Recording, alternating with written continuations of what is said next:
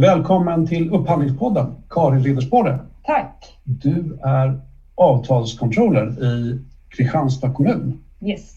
Eh, och jag vet att du kommer tidigare från... Kul att vara här. Trevligt att ha dig här. Du har jobbat i din roll under ett tag och jag vet att du tidigare har jobbat i Stockholms stad på exploateringskontoret som bland annat upphandlingschef tidigare. Det stämmer bra. Och att du har flyttat ner till Skåne ganska nyligen. Berätta mer. Var ligger Kristianstad och vad gör ni? Ja, nej men jag, precis som du säger så har jag återvänt till skånska slätten igen, eh, till mitt ursprungslandskap. Bosatt i Malmö, men jobbar i Kristianstad kommun och Kristianstad ligger i nordöstra Skåne, norr om Österlen, kanske lite mer säger någonting. Det är Skånes fjärde största stad. Kommunen i stort har 86 000 invånare, så det är något mindre kommun än Stockholm. Men ändå en ganska Men en stor ganska stor kommun ändå. Absolut, och vi har ungefär 1,7 miljarder i årlig inköpsvolym. Så det är, inte, jag säga, det är inte en småort skulle man kunna säga. Nej, det är väl en medelstor kommun kan man väl. Och ganska långt från Malmö, eller? Ja, eh, det är ju liksom från ena hörnet till andra hörnet. Så det är en pendling genom hela Skåne. Men, eh, men det funkar bra, det funkar smidigt. Du kan jobba på tåget och ganska avkopplande också. Ja, den där tågresan. Hur många är ni som jobbar med olika former av inköp på Kristianstad kommun? Ja, alltså med inköp är det ju jättemånga som jobbar. Eh, vi har en organisation där det finns en central upphandlingsfunktion på kommunledningskontoret. Men sen har vi förlängda armar ut på varje förvaltning där vi har inköpssamordnare. Och sen finns det då givetvis en eh, beställarorganisation, så de som genomför själva inköpen är ju många. Eh, men på upphandlingsenheten så är vi åtta upphandlare vi har, är två stycken som jobbar med e-handel och eh, så är det jag som är avtalscontroller och så har vi en upphandlingschef. Men sen har vi då som sagt inköpssamordnarna ute på förvaltningarna som våra förlängda armar. Hur jobbar ni tillsammans? Vad, vad är deras roll jämfört med upphandlingsenhetens? Ja. Absolut. Deras roll är dels eh, konkret att de genomför direktupphandlingar och även eh, förnyade konkurrensutsättningar och eh, sen så stöttar inköpssamordnarna stöttar ut i sin organisation med hjälp om att hitta rätt avtal, tala om hur man ska gå tillväga och så vidare. Men sen är det också ett nära samarbete för varje upphandlare har liksom eh, en huvudförvaltning som man jobbar mot, en eller flera, beroende på hur stor förvaltning det är. Och den upphandlaren tillsammans med inköpssamordnaren och de förvaltningar som man är huvudansvarig för jobbar ju väldigt tätt tillsammans.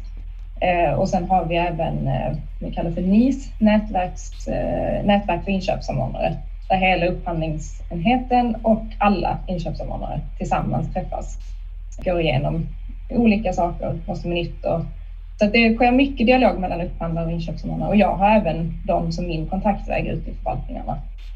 Hur många var de ungefär? Oh, Ja, det var, men de kan väl vara 10-15 Okej. stycken. Men är deras roll specifikt att jobba med att samordna inköp eller har de också typiskt operativa roller ute i Ja, de, eh, de flesta är, jobbar på ekonomifunktionen, eh, så jobbar inte heltid som inköpssamordnare utan har det som en del i sin roll. Mm, Och beroende på förvaltning så blir den rollen större eller mindre. Sen finns det en förvaltning, eh, den tekniska förvaltningen, där är det en inköpssamordnare som jobbar 100% med det. Mm, mm. För där är det ju mycket. Eh, Så det ser lite olika ut beroende på förvaltning. Jobbar du som sitter centralt, jobbar du inom alla inköpsområden, alla kategorier? Kan man prata om kategorier i Kristianstad? Ja, det kan man göra. Vi har inte ett fullt ut kategoribaserat arbetssätt. Men däremot så blir, alltså jag jobbar ju brett med allt från eh, äldreomsorg till bygg till eh, papper och pennor till arbetskläder och maskiner. Så jag är, har inget särskilt inriktningsområde så, eh, inom inköpskategorier. För då blir jag lite nyfiken, hur ser fokus ut då? För mig som jobbar som nischat kan Ja. man säga så är det ju ganska lätt att prioritera eller ganska lätt Precis. att förstå affärslogiken inom de olika områdena. Mm. Hur är det möjligt? Äldreomsorg och byggproduktionen ganska Nej, det är, Exakt, och det är ju lite utmaning för mig, för precis som du nämnde så har jag jobbat på exploateringskontoret i en väldigt nischad, eh, varit liksom i, inte ens i byggbranschen, utan anläggningsbranschen länge och varit, eh, haft förmånen att jobba då väldigt eh, tajt inom en bransch och har haft tid och möjlighet att lära känna en bransch på riktigt, leverantörerna, förstå den i grunden. Så det, och det är ju också lite det här med att gå från en stor kommun till en liten kommun har ju inte riktigt i alla avseenden känts så eftersom jag jobbat på en förvaltning mm. eh, och går till att jobba centralt på en kommun så känns det nästan ibland som att jag går till något större även om inköpsvolymen i pengar är lägre. Mm. Eh, men det är ju ett mycket bredare spektrum och en utmaning. Eh, som tur är har jag börjat med att jobba ganska mycket mot vår tekniska förvaltning där jag känner mig lite hemma. Men, men det är ju en utmaning att sätta sig in igen med hela LOV-systemet och liksom, ja, skolskjuts, hur är den organiserad? Mat och livsmedel är ju ett jätte... Och mattransport, alltså det är ju en jätteapparat kommunen håller på med i stort. Eh, så det är ju såklart en eh, helt ny värld för mig att ha det här breda. Och vad gäller prioritering så är det lite där jag håller på mycket nu, eh, eller vi på enheten, med att se hur, var ska vi lägga fokus? För det blir ju lite det är lätt så att man, fokus hamnar där det dyker upp ett problem. Så det är väl någonting vi jobbar med framåt, att vad ska vi ha med det eh, strukturerade, planerade fokuset? Om jag måste få fråga vad eh, vad är det du gör? Jag antar att du underlättar då arbetet för de andra upphandlarna så att du sköter vissa delar som, som de då kanske inte tar. Var går gränsen mellan er och vad gör du? Eh, det finns ingen knivskarp gräns eh, mellan rollerna för det blir ju både som sagt eh, kontra upphandlarna men det blir även en del mot e-handel. För oftast kommer ju kanske någonting också från att en faktura har dykt in och så ser man att nej men vänta, kom det en faktura härifrån? Så då kanske jag får inputen från e-handeln. Eh, Som där någon faktura har fastnat eller där kommer en pappersfaktura och så börjar man gräva vidare och då upptäcker man, nej men vänta, varför handlas det här? Eller vad har hänt här? Eller, eh, så det, det blir ju många beröringspunkter. Eh, och där har vi ingen knivskarp gräns utan det är min ingång i det hela är att bara ha en väldigt öppenhet och trans, alltså vara transparent så att man kan fånga upp liksom och ha dialog. För att det är ju stor risk om man inte har det att man sätter en upphandlare på pottkanten som inte vet om att jag har haft eh, dialog med leverantören här om eh, felaktiga fakturerade priser och sen har de dialog och får höra det från leverantören fast vi sitter bredvid varandra. Så att mycket eh, dialog och information för att liksom fånga upp och det ser ju lite olika ut beroende på avtal. Alla upphandlare kan ju inte vara riktigt lika engagerade i alla avtal. De sitter ju på väldigt många avtal. Så det, det, kan se lite olika ut i de gränsdragningarna. Mm. Men, men så, de är svåra. Ja, men så det, du alltså följer upp avtalen med leverantören och även kanske verksamheten då? Eh, ja, ja, men precis. Och det har blivit i olika... Dels kan det bli när det har varit något avtal där det inte alls funkar och eh, jag har hoppat in då och tagit uppföljningen av det, både tillsammans med verksamhet och med leverantör. Men det kan ju också vara eh, liksom mer strukturerat, för jag har ju... Man kan säga att jag har i dagsläget liksom några rullande projekt som jag jobbar med och sen är det ju behovsstyrt, där det poppar upp ett behov eh, som jag får in. Jag tror också, jag tror det är en bra grej att ha en roll på en upphandlingsrätt som är lite mer flytande, för det dyker upp mycket hela tiden som inte direkt tillhör en specifik, alltså där det är svårt att peka på vem ska ta den här bollen. För det tillhör inte en direkt upphandling eller det, ja, och jag tror det är ganska bra att ha en sån roll. Jag tycker det är väldigt roligt att man blir involverad lite här och lite där som kanske inte jag visste på morgonen att det där skulle hända under dagen. Eh, så det jag har ju även varit involverad i när vi har eh, revision, när revisorerna kommer och tar fram dem under. Så det blir väldigt spretigt och det är svårt ibland så här när frågan vad jag jobbar med, för man glömmer också bort allt man har gjort. Eftersom att det inte det är ju mer konkret liksom att genomföra upphandlingar, se till att komma avtal på plats. Men här blir det lite mer allt möjligt i en härlig kompott, men under ändå temat uppföljning. Ja. Men så målet med ja. själva rollen är att, eh, att få avtalen att flyta på enligt det som kommunen förväntar sig som beställare? Eh, ja, eh, det är en del.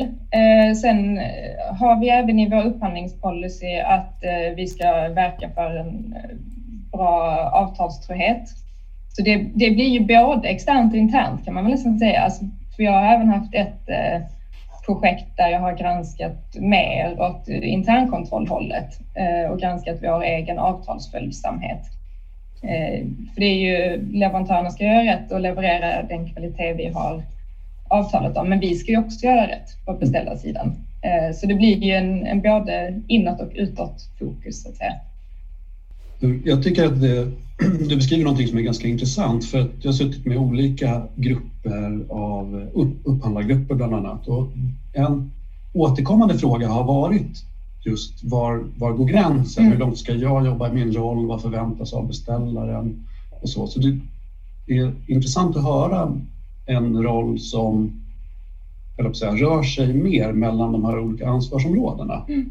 Eh, var, det, var det tydligt, eller, säga, eller otydligheten i det, var det tydligt när du tog jobbet?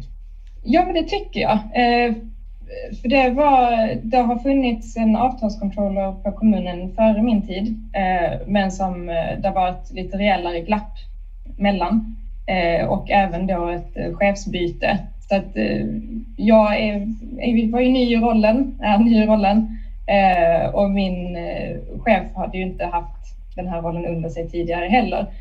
Så jag tyckte det var ganska tydligt att den här rollen kommer liksom också att växa på plats. Mm. Eh, och det tycker jag kunde i början känna mig lite småstressad över det, för jag gillar väldigt tydlighet. Men nu tycker jag att det är väldigt positivt och väldigt bra, för det, det behöver göra det. Och det är också att ju mer jag kan lära känna verksamheten så kan jag se nya behov. Mm. Eh, jag tror att hade vi liksom försökt formulera allting från dag ett, då hade vi nog formulerat det fel. Eh, så jag tycker det känns väldigt positivt nu att det får växa fram och sen finns det jättetydliga, alltså många av mina mer löpande uppdrag, de är väldigt tydliga. Eh, så det finns ju både en tydlighet men det finns också utrymme för det här eh, lite mer mittemellan och det är det också som gör att jag tycker den här rollen är så kul. Vi har ju haft roller från inköpssupport till inköpare, upphandlare och upphandlingschef. Jag tycker just de här överlämningarna mellan olika funktioner är så intressant och ger så stor effekt om det funkar bra eller inte funkar bra. Eh, för det är ju också upphandlarna hos oss gör ju också massa uppföljning och har liksom dialog med leverantörer. Så det är inte så att de släpper och inte har någon koll på sina avtal, utan de gör ju också grejer. Men eh, ibland kan det ju vara supertydligt vem som gör vad, men man missar ändå eh, passningarna. Liksom. Man missar att säga nu är jag klar här borta så nu kan du ta vid. Alltså, eh, så att den lilla signalen däremellan har jag också sett när jag varit i alla de här olika rollerna att det är ofta där det liksom kan bli lite stolpigt. Eh, så att jag tycker det är jättekul att kitta in mm. mellan tegelstenarna. Men du är också då, då är du inte ensam i uppföljningsrollen utan såväl inköpssamordnarna som beställarna som ja. upphandlarna har också leverantörskontakten. Ja, och har... beställarkontakten. Ja, och mm. beställarkontakten mm. naturligtvis. Mm. Eh, har ni, det känns som det är väldigt mycket kommunikation som behöver mm. till. Har ni något vettigt system, eller har ni något systemstöd? Ska jag säga så? Ja, nej men alltså, dels har vi ju såklart ett upphandlings och eh, avtalssystem. Där använder vi kommers idag. Eh, både som avtalsdatabas och som upphandlingssystem. Eh, och sen har vi ju ett ekonomisystem med eh, e-handel i också, där vi har Posido. Sen har vi ett business object-system eh, där det finns en, eh, en rapport som är ihopbyggd eh, som egentligen matchar all fakturadata, alltså vilket organisationsnummer fakturan kommer mot, matchar den mot avtalsdatabasen. Finns det organisationsnumret där? Och då får man en ja och nej-lista. Och den får respektive inköpare till, eller inköpssamordnare till sig. Eh, jag tror det var en gång i månaden. Och då kan man ju se listan på här finns det köp gjorda från en leverantör som inte finns i avtalsdatabasen. Eh, och de, där är det ju ett gemensamt arbete med, ibland går jag tillsammans, igenom den listan tillsammans med inköpssamordnaren och reder ut vad har hänt här, vad har hänt där, varför köptes det där? Där finns det ju ett annat avtal. Vi kanske saknar avtal på det här. Eh, då kan jag ju se på helheten, är det fler som köper det här? Behöver vi ett avtal? Och så kan det komma in i planeringen. Eh, så där, där sker det mycket tillsammans. Så det är absolut inte så att jag sitter helt ensam på all uppföljning. Och sen tar inköpssamordnaren liksom vidare i sin organisation om det är till att säga att men hörru, nästa gång du ska köpa det, vi har ett avtal för det. Köp det här nästa gång eller om det är att ah, men nu ska vi se till att upphandla ett avtal här. Eh, vilka behöver mer referensgrupp? Vad är era behov? Men om man tittar mer konkret på vad det är just i avtalen som du tar upp med leverantörerna och vad ni går igenom i de här uppföljningarna. Hur ser det ut? Eh, ja, i dagsläget så håller jag på att ta fram en projektplan för hur eh, avtalsgranskningen alltså ska ske på ett mer strukturerat sätt. Så att det finns ingen, eh, vi har inte i dagsläget en plan att säga, ja, ska de här avtalen följas upp?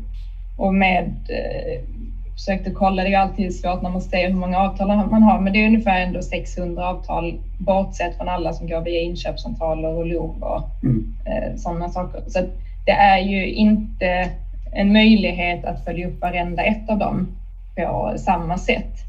Eh, men när, när alltså de, dels har det ju varit utifrån där det kanske är någonting som inte fungerar Sen har jag även gjort bara stickprovskontroll ibland inför en förlängning. Hur ser det ut med fakturorna? Eh, har då också upptäckt att nej, men här är det ju felfakturerat. Vi har blivit krediterade 130 000 här. Eh, så då har det ju varit dialog rakt att vad har hänt här? Varför är det det här priset på fakturan? Den typen av dialog med leverantören. Sen har jag även två projekt där det är mer strukturerat eh, som gäller uppföljning av miljökrav och uppföljning av informationssäkerhetskrav. Då gör jag tillsammans med en miljöstrateg eller tillsammans med en informationsansvarig ett urval. Vilka avtal har vi sådana här krav? Och på miljösidan har vi gjort utifrån både hur stort avtalet är i volym och pengar, men även vem är brukare? Är det då till exempel förskolan som är brukare så blir för en högre eh, siffra i vår urvalslista. Eh, och hur stor miljöpåverkan avtalsföremålet har. Så då har vi valt ut. Så i år har vi genomfört tror jag, nio eh, uppföljningar, eller uppföljningar inom nio avtals, och då ska säga ramavtalsområden, för det är flera avtal. Mm. Och då är, det ju, då är det ju fokus på miljöfrågor. Så då blir det en annan, en annan typ av dialog. Eh, och där har vi bland annat hittat eh, artikel som sålts till just förskolor som inte uppfyllt de kraven på ftalater. Så där har artiklarna återkallats och återbetalats och artikeln har plockats bort ur sortimentet. Så det har ju gett effekt när man börjar titta. Och det kanske, hade det varit möjligt att se det utan den här typen av arbete? Hade det... Nej. Nej. Nej, för det har varit mycket dialog och diverse olika konstiga leverantörsförsäkran och innehållsförteckningar och testdataprotokoll, analysdataprotokoll. Så det har varit liksom en gräva, gräva fråga lite till. Och där vi är nya på detta, både jag och miljöstrategen, den här typen av uppföljning. Och, men där vi har ändå tänkt att vi, vi bara kör, frågar, frågar, frågar och om de uppfattar oss som dumma får de göra det. För att vi vill ändå veta och det lönade sig ändå. Eh, för man får ju mycket konstiga dokument som man inte riktigt, så vad är det här? Något eh, uh, Ungers testdataprotokoll, vad säger det egentligen?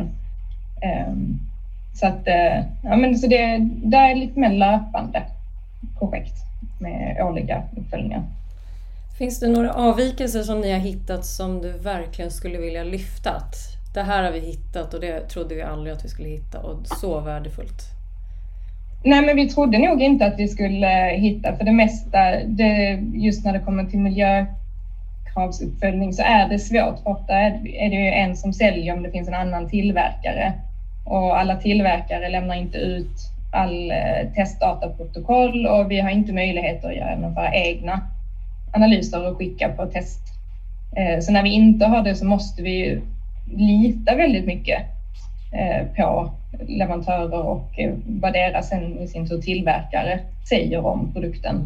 Eh, så där hade vi nog inte väntat oss att heller att någon så tydligt också skulle våga säga att nej, här har det minsann blivit fel.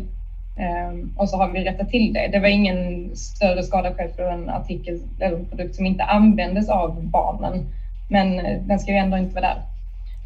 Så det hade vi nog inte väntat oss. Det tror jag inte. Och det är väl mer väntat att man kommer att hitta att det har fakturerats fel pris här och där om man kollar på väldigt mycket fakturor. Ehm, men, eh, och där blir det ju också dubbel, eller både och, för det säger något om leverantören som har inte haft koll på vilket pris ska fakturera, men det säger ju också något om beställarorganisationen som har godkänt priset. Mm. Finns priser angivet i e-handelssystemet eller är det lite olika beroende på vilken typ av köp det handlar om? Ja, den uppföljningen jag har jobbat med hittills har ofta varit den typen av tjänster som inte går via e-handelssystemet. Eh, för tittar man på sånt som går via e-handeln så får man ju, har vi ju ganska bra koll. Mm. Eh, men när det gäller tjänster och den typen så har vi inte haft det i våra e-handelssystem.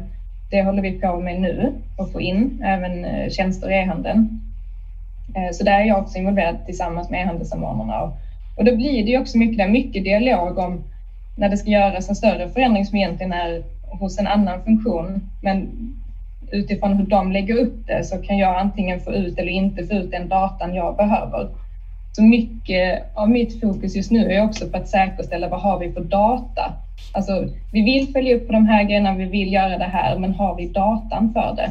För först måste vi se till att vi har ordning och reda och rätt data och rätt upplagt i både avtalsdatabaser, i e-handelssystem, i business object-system. Vad är det vi ser? Är det fakta vi kan lita på eller inte? Eh, och kan vi få ut de parametrarna vi behöver för att följa upp det vi vill följa upp? Och det har jag också sett som en utmaning. Ja, hos... men det tror jag är en utmaning hos de flesta. Eh, tycker jag de jag har pratat med så sitter man med samma. Det är, det är svårt. Det är mycket data. Det är mycket system som ska prata med varandra. Är, ja, så det är nog en utmaning för alla tror jag. Har ni behövt göra specialanpassningar, bygga integrationer mellan system eller har ni i den här eh, business object-lösningen mm. en funktion som gör att den kan hämta data fristående? Eh, den hämtar data från ekonomisystem och avtalsdatabas och jämför dem. Sen ligger det ju olika regler, alltså den hämtar data till ett datalager som sen, så att det finns olika regler bakom. Det finns vissa eh, konton som inte tas med, eh, till exempel externa lokalhyror, för det är ju inte upphandlingsgrejer. Så det finns ju vissa regler som städar bort en del som inte ska vara där. Det finns även eh, vissa organisationsnummer som vi plockar bort som inte är upphandlingsrelaterat ersättning till politiska organisationer. Alltså det finns ju en mm. del som inte ska vara med för att det ska bli så men det är ju också ut, när, när jag tittar på den kommunövergripande, då hittar jag ju nästan alltid någonting där det är så här, ja men här fanns ett avtal men där man hade missat att förlänga det i avtalsdatabasen eller här fanns det det här men eh, det låg fel organisationsnummer inlagt i avtalsdatabasen. Eller, alltså det finns ofta någonting att eh, rätta till. Så det är ju en siffra som ger en indikation men inte en 100% sanning. Mm. Men det är ju en indikation man kan följa. Och det ger ju ett urval av det, det är de här där det inte blir korrekt, det är där vi ska börja titta och jobba och se vad det är för någonting. Det här låter jätteintressant. Om jag tänker på det så, så rollen är ganska flytande, det vill säga mm. du gör det som behöver göras inom området. Och området är svårt att avgränsa, men det är ganska strikt faktadrivet.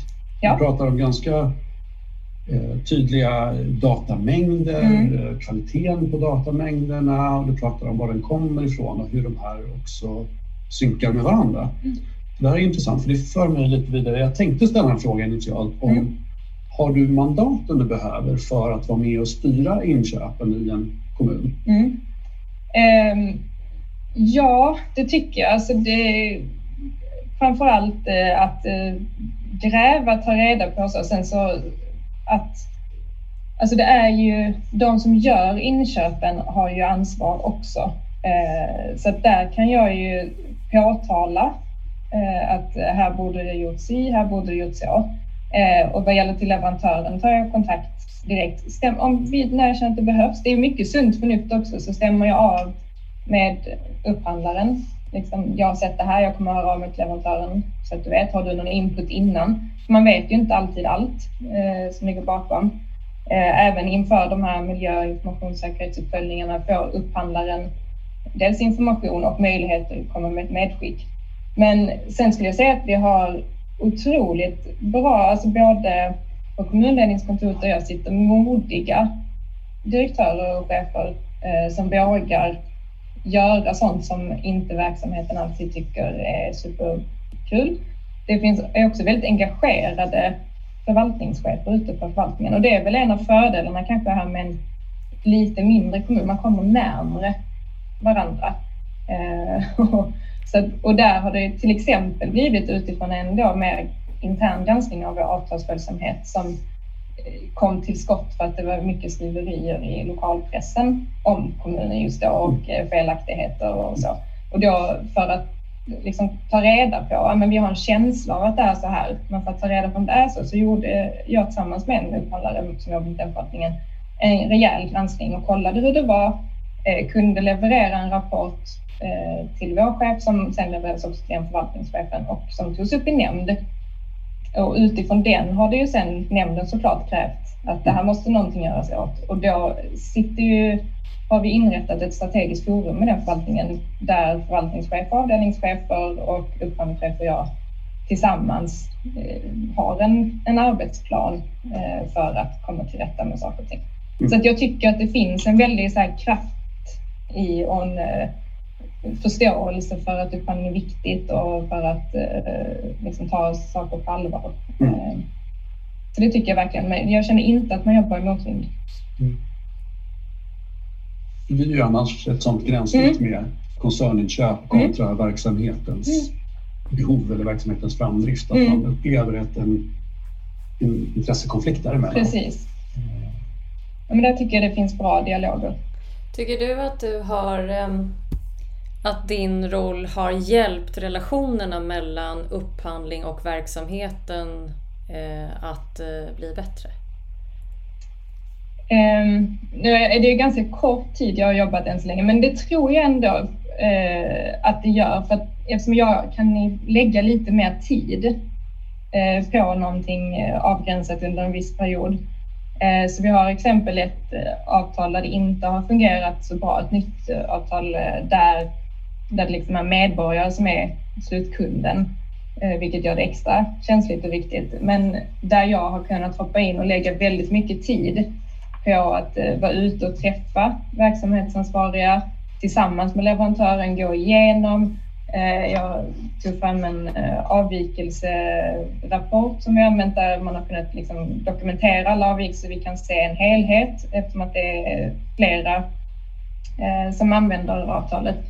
Så där tror jag att verksamheten då kan känna att, man, att det tas på allvar, att man får stöd eh, och en tid som eh, jag tror inte det finns någon upphandlare i Sverige som kan lägga så mycket tid på att följa upp ett avtal eh, när man har så många. Så det, det tror jag att det kan liksom sammanföra mm. verksamheten och upphandlingsenheten. För det låter som också som att det är en prioritering från inköp, kommunledning och verksamhetschefer mm. att faktiskt kommunicera med varandra. Så det, frågan är satt på agendan Absolut. också längre tillbaka. Absolut, det tycker jag. Hur såg, vet du hur de besluten såg ut? Att, Nej. Nej, det gjordes tidigare. Ja, ja. Eh, det har funnits ganska länge tror jag att man har haft en avtalskontroller i Kristianstads kommun. Mm. Eh, så jag tror att man var ganska tidig ut med en sån roll. Mm. Eh, faktiskt. Sen eh, har det tagits omtag kring exakt hur rollen ska fungera, alltså sådana grejer. Men att rollen finns har funnits ganska länge. Jag vet inte hur det går till faktiskt. Har du tydliga mål för ditt uppdrag? Ja, på vissa plan. Och det tror jag också är väldigt positivt att, inte, att jag inte är fullbelagd med rullande grejer. För att det behövs ju också det här att kunna hoppa in och göra saker när det behövs. Men jag har, eh, har vissa löpande projekt och de eh, har, eh, har jag också haft förtroendet att tillsammans med dem jag jobbar idag med själva sätta upp hur ska vi, alltså målet har funnits där. Vi ska göra, följa upp miljökrav och vi ska följa upp det här. Sen hur vi ska göra det har vi haft stor frihet att formulera själva och sen givetvis stämt av och fått godkänt innan vi har börjat jobba efter det. Så där har vi ju tydliga planer på vad vi ska göra, hur vi ska göra och vem som ska göra. Eh, sen har vi även på avdelningen, eh, upphandlingsrätten tillhör en avdelning som heter ekonomi, analys och upphandling. Så vi sitter ju med ekonomi. Ekonomidirektören är ju vår högsta. Så på hela avdelningen har vi målarbete och mm. måldokument och där finns det ett mål också som berör framförallt mig mm. med att ta, hitta och uh, implementera ett system för att kunna jobba bättre med strukturerade mm. uppföljningar. Du nämner några saker. Du nämner tid som en viktig faktor och tid att faktiskt träffa både verksamhet och leverantörer mm. och att den normalt sett inte finns med i den gruppen som gör upphandlingar. Upphandlarna har normalt sett inte tid och kanske Eh, ju bredare upphandlingsuppdraget är, desto, mer, desto svårare är det att få till den. Jag har upplevt i eh, mina roller som offentlig inköpare eller offentlig upphandlare att vi träffar våra leverantörer alldeles för lite. Vi är väldigt reaktiva. Eh, när det blir fel, då kommer frågan in via juridik eller till mm. mig eller något sätt och då sitter man med i tvisterna. Men att vi, i alla fall på inköpssidan, verksamhetssidan är en annan sak, men på inköpssidan att vi träffar leverantörerna i positiva sammanhang mm. för sällan. Mm. Eh, men ni har satt upp planer för att göra det också, eller är det liksom prioriterade områden? Liksom? Det, jag håller med dig. Eh, och mycket utifrån också tidigare erfarenheter, men och att det ger otroligt mycket att odla en bra relation. Jag har inte den uppsättningen liksom nerpräntad idag, Eh, men pratar mycket, pratar mycket tillsammans med en förvaltning om vikten av eh, eh, liksom startmöten och uppföljningsmöten och så. Men ehm, eh, sen jag väl ärligt erkänna att jag inte exakt vet hur mycket dialog som upphandlarna har med sina leverantörer. Det, det som finns i e-handel som är varor, där tror jag att det sker mycket dialog eftersom att man skickar in nya listor och sådana precat-listor. Så där tror jag sker ganska mycket löpande dialog kring praktiska göromål, mm. vilket gör att man odlar väl en relation där i också. Men eh, så jag vet faktiskt inte exakt hur, eh, men på något så här strukturerat, eh, dokumenterat sätt, så här ska vi göra, så är det inget som i alla fall jag har varit involverad i att ta fram hittills. Däremot eh, så har jag ju god erfarenhet från min tidigare arbetsplats där eh, vi träffade, men där var ju också en skillnad eftersom att det var nischat så det blev inte, inte så många leverantörer, eh, för det var många leverantörer som återkom på olika avtal, men där, där vi hade årliga träffar med alla leverantörerna. Och det var ju otroligt bra. Just för, för som du säger, att när det sen inträffar något så hade, fanns relationen där i botten för då kunde saker och ting lösas ganska snabbt och man kände varandra. Så att det finns ju absolut ett eh, stort värde i tror jag, att ha kontakten även när det inte inträffar något. Sen tycker jag rent personligen när det är små, eh, små lätta frågor föredrar jag att ringa till leverantören istället för att mejla för där får man all, oftast någonting. Kan passa på att ställa någon annan fråga, bara chitchatta lite, det kommer upp något önskemål eller ah, den där ni förnyade, ni skickade ut sist, det var jättebra när ni ställde kravet så här. Eller ah, det är mycket bättre när man gör så här än så som ni gjorde sist. Eller, man får ofta någon liten info sådär informellt. Eh, så jag tycker att eh, min, jag har en tidigare kollega som brukar vifta med sin smartphone och säga man kan ringa med den här, visste ni det? och det tycker jag är ganska bra att, uh, att tänka på. För då kan det ett mejl blir ju, då avhandlar man det som ska avhandlas, men mm. i telefonsamtal kan man få lite annan bra input. Jag har också bara positiva erfarenheter av att prata med varandra. Ja. Och eh, tyvärr får jag väl säga ibland när jag har ringt upp en leverantör för en konkret fråga eller någonting annat så får jag reaktionen så här, men vad kul att du ringer. Ja. Och precis som du säger, en del är information och en del att man faktiskt månar om varandra och börjar ja. förstå varandras sammanhang och eh, drivkrafter i att eh, leverera eller att köpa eller ifrågasätta. Så tycker jag att det har varit jättevärdefullt. Ja, men jag har fått exakt samma respons och att och när man frågar lite bara, men hur tycker ni det har funkat nu med våra förnyade eller med det? Ja, men det känns ju jätteseriöst att ni ringer och frågar. Eh, så det tycker jag är en, eh, liksom, man får väldigt positiv respons från det. Mm. Jag har en fråga kring ehm, eh, andra leverantörer. Alltså, det är klart att eh, eller det är klart, men du, du träffar ju och pratar med befintliga leverantörer men har du också koll på de leverantörerna som ni inte jobbar med just nu och eh, gör du lite marknadsundersökningar och så i din roll eller ligger det utanför din roll?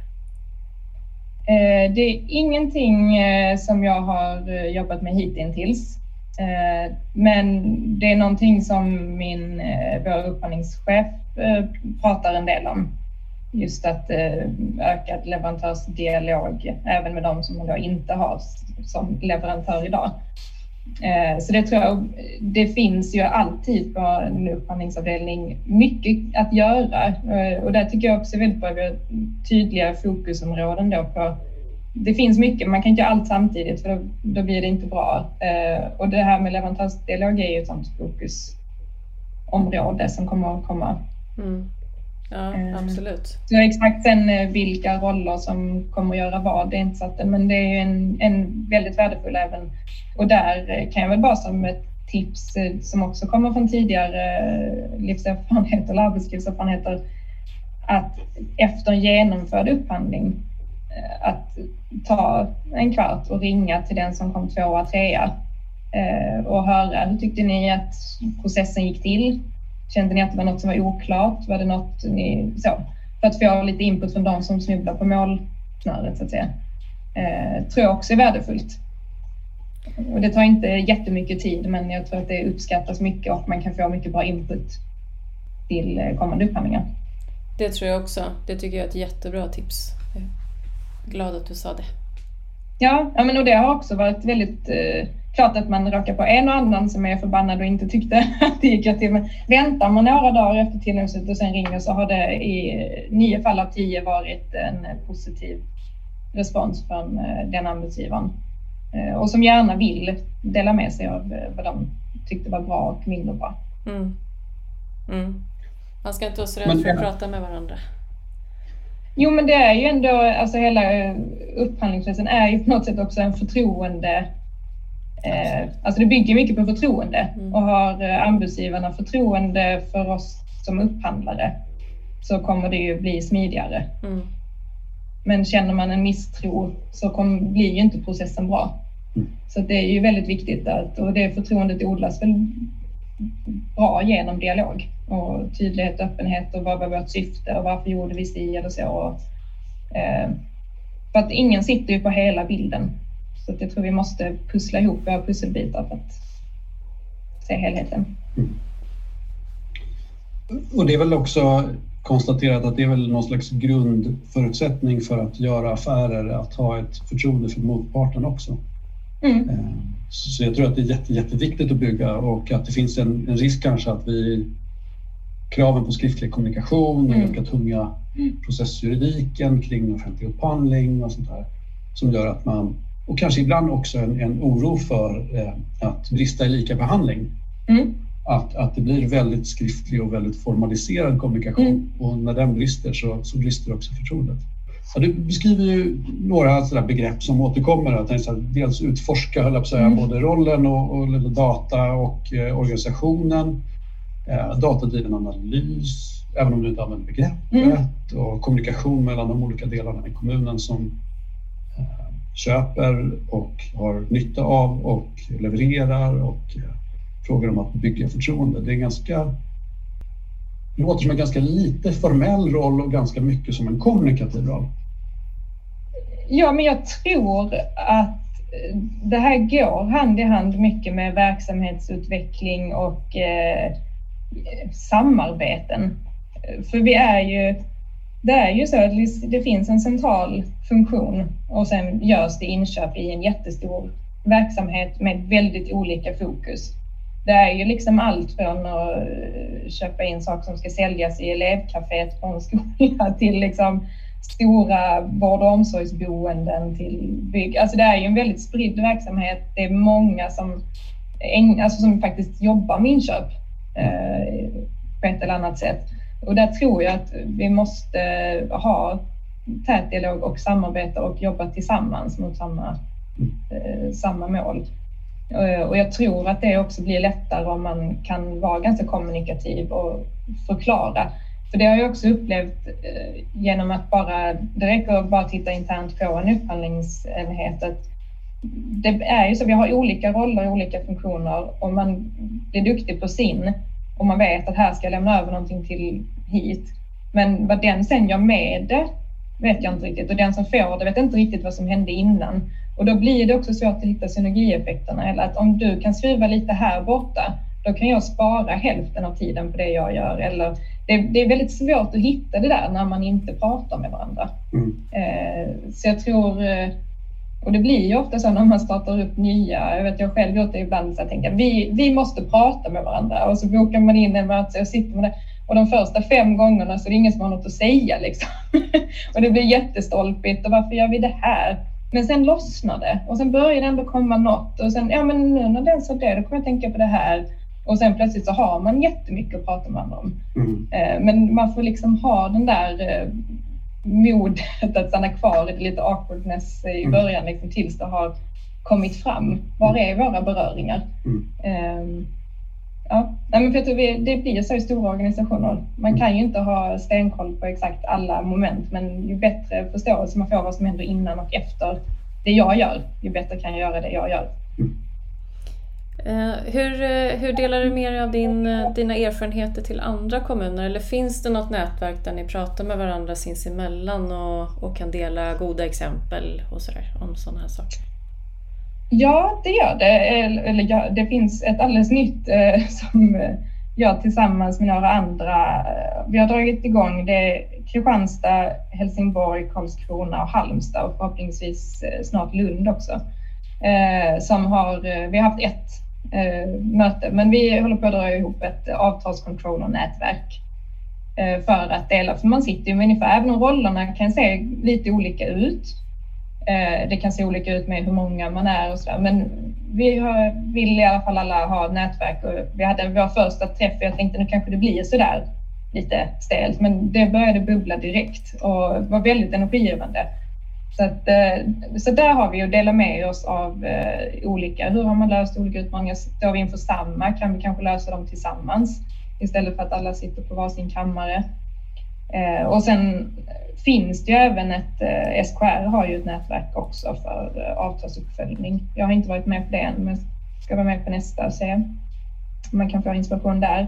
De stora blir ju mer att någon berättar. Så mm. jag tycker det är positivt att ha det här lilla nätverket också där man mer sitter och pratar och bubblar och tänker högt tillsammans. Sen finns det även ett ganska etablerat samarbete med Skåne nordostkommunerna eh, där, som upphandlingscheferna i de kommunerna har.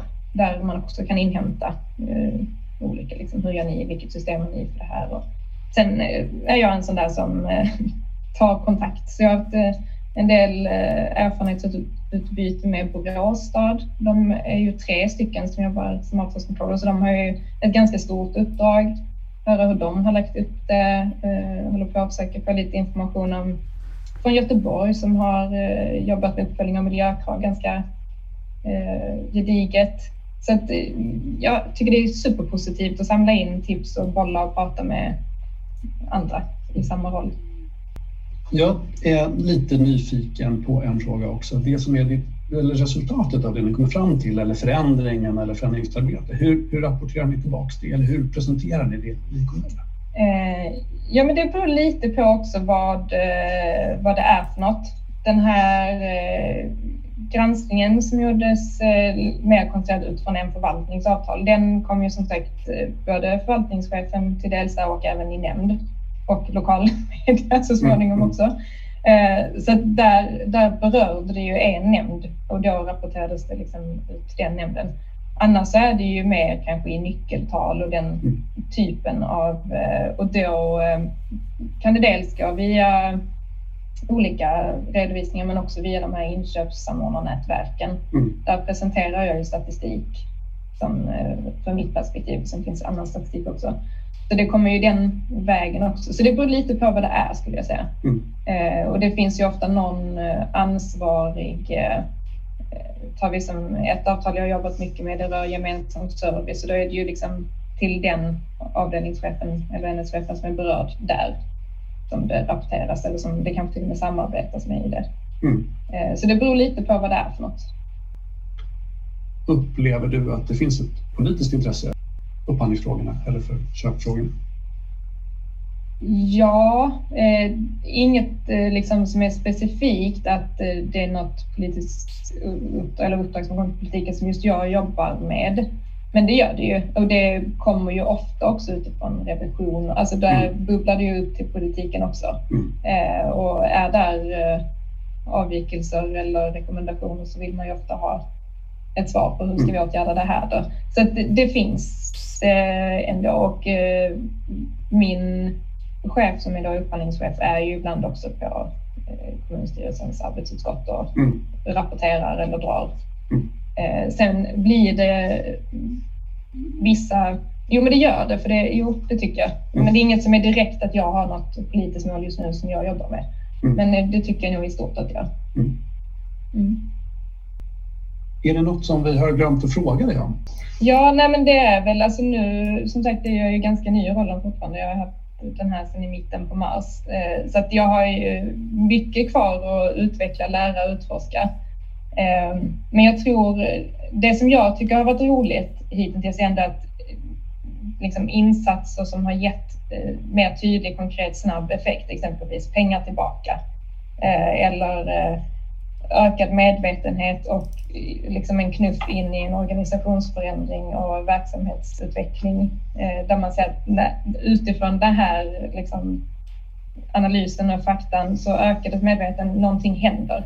Det sker en förändring. Mm. Eh, och det tycker jag är väldigt tacksamt och väldigt roligt och att det är på, på både på både övergripande strategisk nivå men också ner i detalj frågor som att ja, men nu är den där artikeln som innehöll över 0,1 procent DINP-ftalater borta. Mm. Eh, så det är liksom både stort och smått. Mm. Men det blir en, en liksom ganska snabb ändå effekt mm. av det. Vilket ju gör att det verkligen eh, äggar igång att ju mer vi tittar och följer upp desto mer kan vi åtgärda mm. och fixa till. Eh, så det tycker jag definitivt. Ehm, och sen även mycket det här med att styra upp. För det är ju också, man måste ju också ge förutsättningar för att göra rätt. Så det har ju också varit ganska engagerat arbete att liksom försöka styra upp och förändra i vår avtalsdatabas och finns den informationen som behövs till verksamheten. Har man rätt förutsättningar för att göra rätt? Är det tydligt? Är det bra? Och, och med e-handelsfrågan är också viktigt för sen kollar jag ju i min tur på fakturorna. Så att, att få in parametrar som gör det lättare för mig att kolla på statistik och hålla koll på takvolymer och ja. Mm. Så att det, det, är verkligen en, eh, en så splittrad, splittrad roll. Men eh, där jag ändå tycker att man ser helheten och den röda linjen i det. Så att det, ja men det tycker jag verkligen. Eh, men jag tror att den här erfarenheten från att ha jobbat nischat i en bransch har varit väldigt värdefull även om man går in i det mer kommunövergripande. För det, det gör nog tror jag att har lättare och snabbare för att hoppa in i en ny bransch och ställ, veta vilka frågor jag ska ställa för att förstå så mycket som möjligt om mm. den branschen. Eh, när man träffar leverantören, liksom att snabbt mjölka ur så mycket information som möjligt. Hur funkar det här? Hur funkar det? Hur ser affärsmodellen ut? Vad tjänar ni pengar på? Alltså, så att man förstår drivkraften. Och du har kunnat använda metodiken menar du i andra ja, områden också? Ja. Mm. Eh, så jag tror att, att ha haft förmånen att för, liksom under en längre tid nöta in i en och samma bransch gör att det kan gå snabbare att sätta sig in i nya branscher nu. Det är ju bra. När vi pratade lite inledningsvis så pratade vi om, eh, går upphandlarrollen mot en specialisering eller mot en bredd? Finns det möjlighet att röra sig mellan olika inköpsområden? Och det låter ju som att det finns goda möjligheter oavsett vilken roll. Jag skulle vilja eh, få lite konkreta tips kring hur ska man göra om man funderar på att införa en avtalscontrollerfunktion? Eh, ja, men jag tror, eh, alltså har, har man eh, någon på plats som kan börja jobba liksom, oavsett eh, roll så tror jag att bara kör. För det här är ett sånt typiskt område där man kan planera ihjäl sig, Eh, tror jag. Eh, utan ja, min erfarenhet är att så här, kasta dig ut. Gör, var inte learning by doing, var, alltså var inte rädd för att göra bort dig. Eh, för att ställa fel fråga eller att fråga efter något som nej men så där kunde man ju inte fråga om det här. Eller, för det är ju så man lär sig. Så jag, jag, tror att det, liksom, det kan ta onödigt lång tid och bli onödigt komplext genom att planera för mycket och tro att man ska ta hela, liksom ha gjort hela Kalix matris och strukturerat upp allting och plan på allting innan man börjar. För det är ju själva det där genomförandet egentligen som jag tror att man kan känna sig osäker på. Inte att eh, strukturera upp en plan för det. Mm. Eh, så jag skulle nog säga att börja, var inte rädd för att göra bort dig och lär dig efterhand. Utveckla efterhand. Något enkelt att börja med? Ja, men det kolla på fakturor. Stämma av, är det rätt priser? Eh, det är ju jätteenkelt, det gör man ju dessutom på kammaren. Eh, upptäcker man att det inte är det, ställ frågan på de här fakturorna är det här priset, det kan inte jag återfinna i avtalet, vad har hänt här? Eh, och se vad leverantören svarar. För det kan ju, och det är samma där, vissa avtal har ju otroligt komplexa och när man inte kan avtalsområdet att förstå det kan liksom vara så långa prislistor att försöka tolka vad som stod på fakturan och vilket pris i prislistan motsvarar det och vad det är en ersättningsartikel och får man i så fall, så får man ju då bara fråga. Var, jag hittar inte det här. Och så kan det komma en förklaring som är så aha, var det så? Eller så kommer en förklaring som är att det har blivit fel. Mm. Okej, okay, då får vi ta tag i det. Eh, så det är en ganska enkel. Och sen annars så tror jag att välja ut eh, några avtalsvillkor att titta på. Så att det inte heller blir för spretigt. Eh, för det finns ju väldigt mycket man kan följa upp i ett avtal. Välja ut det som eh, något som känns viktigast och mest relevant mm. och börja där. Så tror jag att eh, ju mer erfarenhet man får desto lättare kommer man sen skanna av det. Och inte heller, det är jätteviktigt givetvis att hålla koll på leverantörernas ekonomi och rating och att de betalar skatter och så, men inte nöja sig med att ha kollat som, som går att inhämta från Skatteverket. Eh, för det tycker jag att man kan se ofta att i avtalsprövning så dyker det upp den typen av uppföljning, klart det är viktigt, men det finns ju ofta i jätteandra system som varnar för när det inte sker. Och som sagt, givetvis jätteviktigt, men jag tror inte det är där liksom leveranseffekten ligger i. Mm. Eh, utan ta det an lite och även, tänker jag, våga följa upp mjuka parametrar, mjuka faktorer Eh, i det. Så är det brukarleverans, följ upp hur, hur det funkar eh, för dem eller eh, kolla med verksamheten hur det funkar. Så det är väl ett tips till de som ska börja.